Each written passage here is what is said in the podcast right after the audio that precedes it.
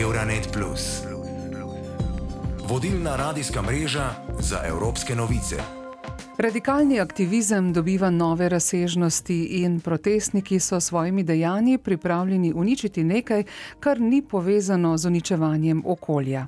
V Berlinu so pred kratkim podnebni aktivisti skupine Zadnja generacija z oranžno barvo poškropili vseh šest stebrov Brandenburških vrat in nemško vlado pozvali k opustitvi fosilnih goriv ter večjemu ukrepanju na področju podnebnih sprememb. To je samo en primer od številnih zadnje čase, kjer aktivizem dobiva nove dimenzije. Sicer je v različnih oblikah in funkcijah znan že stoletja, a številni muzeji in galerije širom po Evropi so lokacije propagandnih akcij, kjer je umetniško delo zgolj orodje za pritegnitev pozornosti. Zgodovinarka dr. Aleksandra Berberih Slana, nekdanja predsednica skupnosti slovenskih muzejev, je z nami spregovorila o začetkih radikalnega aktivizma in o svojih izkušnjah z njim. Povedala nam je, da pri nas takšnih primerov uničevanja umetnin ni zasledila. O začetkih te oblike demonstriranja pa je povedala. Začelo se je pravzaprav z Mona Liso, seveda, ki je ena najbolj znanih mm, slik na svetu. Čeprav so mnogi presenečeni, ko jo dejansko potem vidijo v živo, ne, ker je zelo majhna in na srečo tudi zaščitena, kajti uh, eden od teh eh, aktivistov je v njo uh, najprej poskušal sicer uh, zlomiti to steklo, s katerim je zaščitena, ko mu to ni uspelo, pa je na to steklo vrgel torto. To je bil recimo prvi takšen primer. Kasneje se je pojavilo še več takih primerov, ko so umetnine zalivali z juho.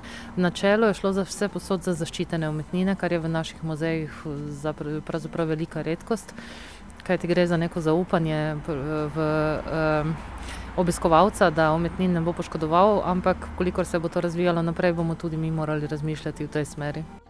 A so po vašem mnenju aktivisti zgolj protestniki, ki nečemu nasprotujejo, kar je pogost očitek, ali ponujajo tudi konkretne rešitve?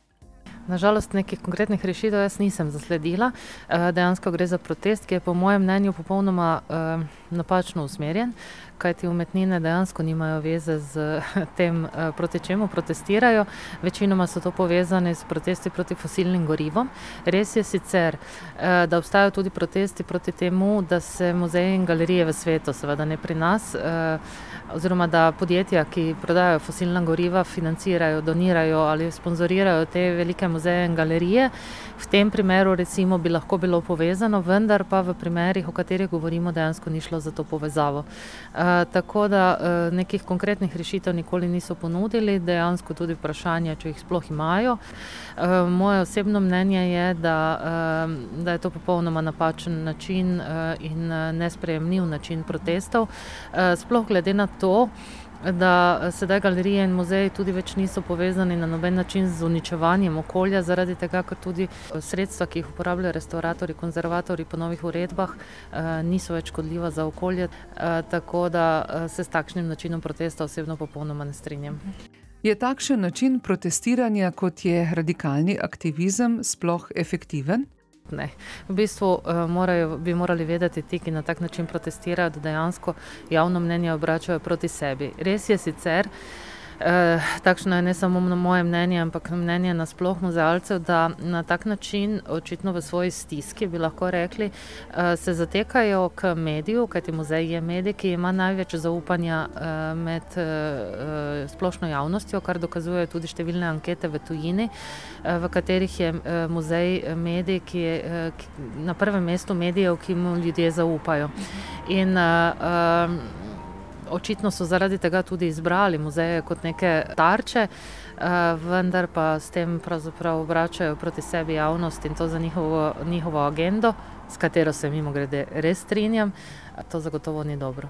Kaj menite, kako daleč, do kakšnih posledic za zgodovinske spomenike se pa lahko radikalni aktivizem še razvije?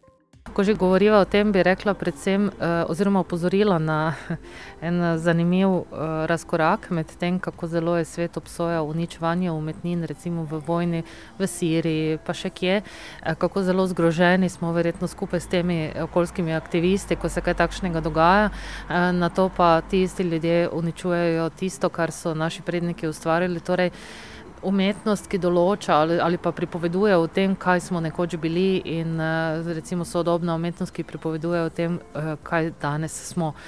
Če ne bi bilo umetnosti, če ne bi bilo tega, kar človek ustvarja, bi bili le malo boljši od živali. Recimo.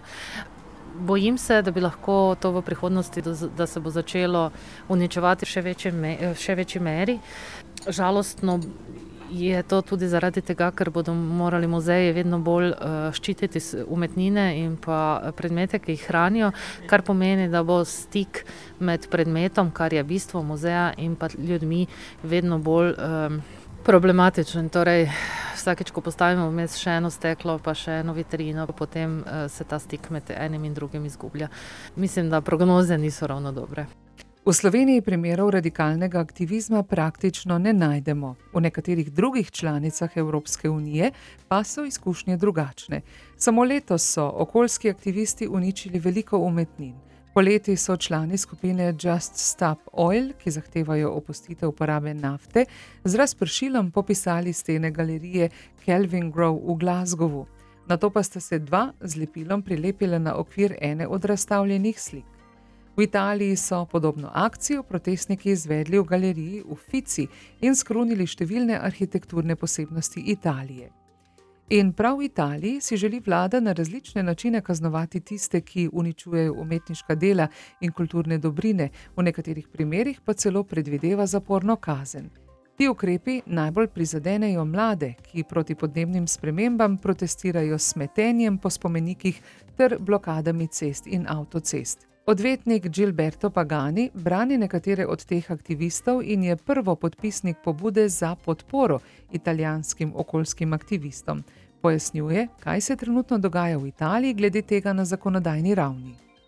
C'è una proposta di legge che è pendente, penso, al Senato per eh, una più dura repressione diciamo, delle azioni contro il patrimonio culturale. Però non c'è ancora una legge, insomma, è, Je Mislim, da je v senatu v obravnavi zakonodajni predlog, ki poziva k strožji represiji za dejanja proti kulturni dediščini, vendar še zakon ni sprejet.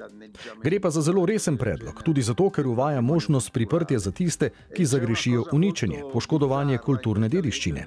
Ta zakon ima tudi zelo nenavadno plat, ki uvaja kaznivo dejanje okvirne korupcije. Ta široka razlaga, kaj je napad na kulturno dediščino, se mi zdi precej nenavadna. Glede na to, da ljudje, ki jih zagovarjam in sem sodeloval na teh protestih, nikoli niso dejansko poškodovali umetnine, ampak so umazali ali poškodovali okvirje in zaščitna stekla. Sporkare una, una cornice non è un reato, insomma, perlomeno non è attentato al, al patrimonio culturale. Ali lahko predlagani ukrepi odvrnejo najstnike od uveljavljanja njihove svobode izražanja?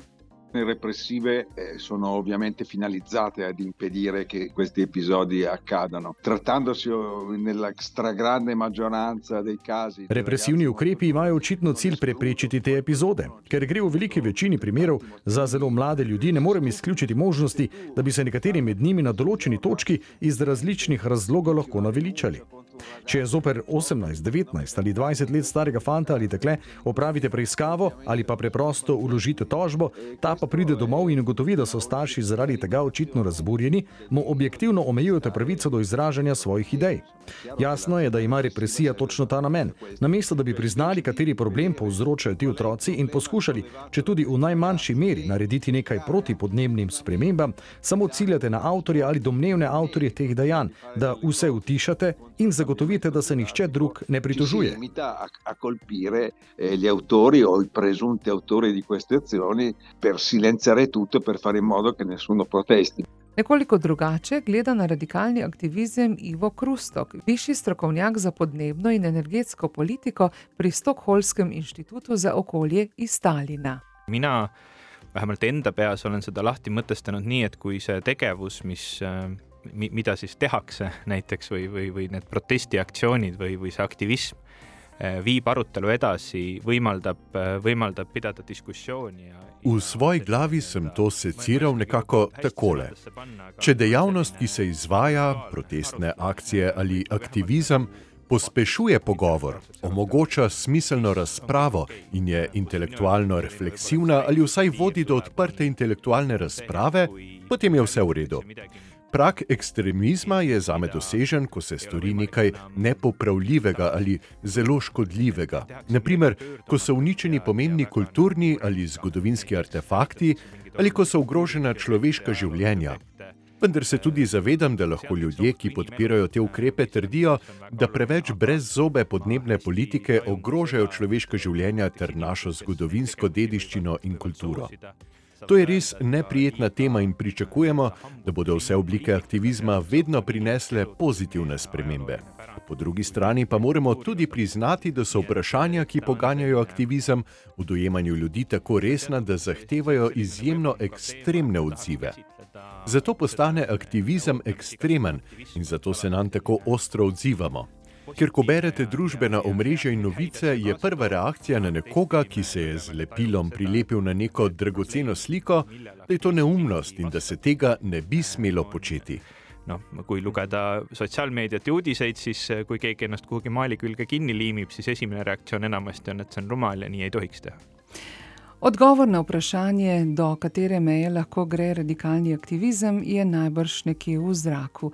A kot je bilo slišati in kot kažejo številni dogodki zadnje čase, ne kaže, da bi se umetnine lahko v prihodnje izognile takšnemu načinu izražanja mnenja nekaterih ljudi.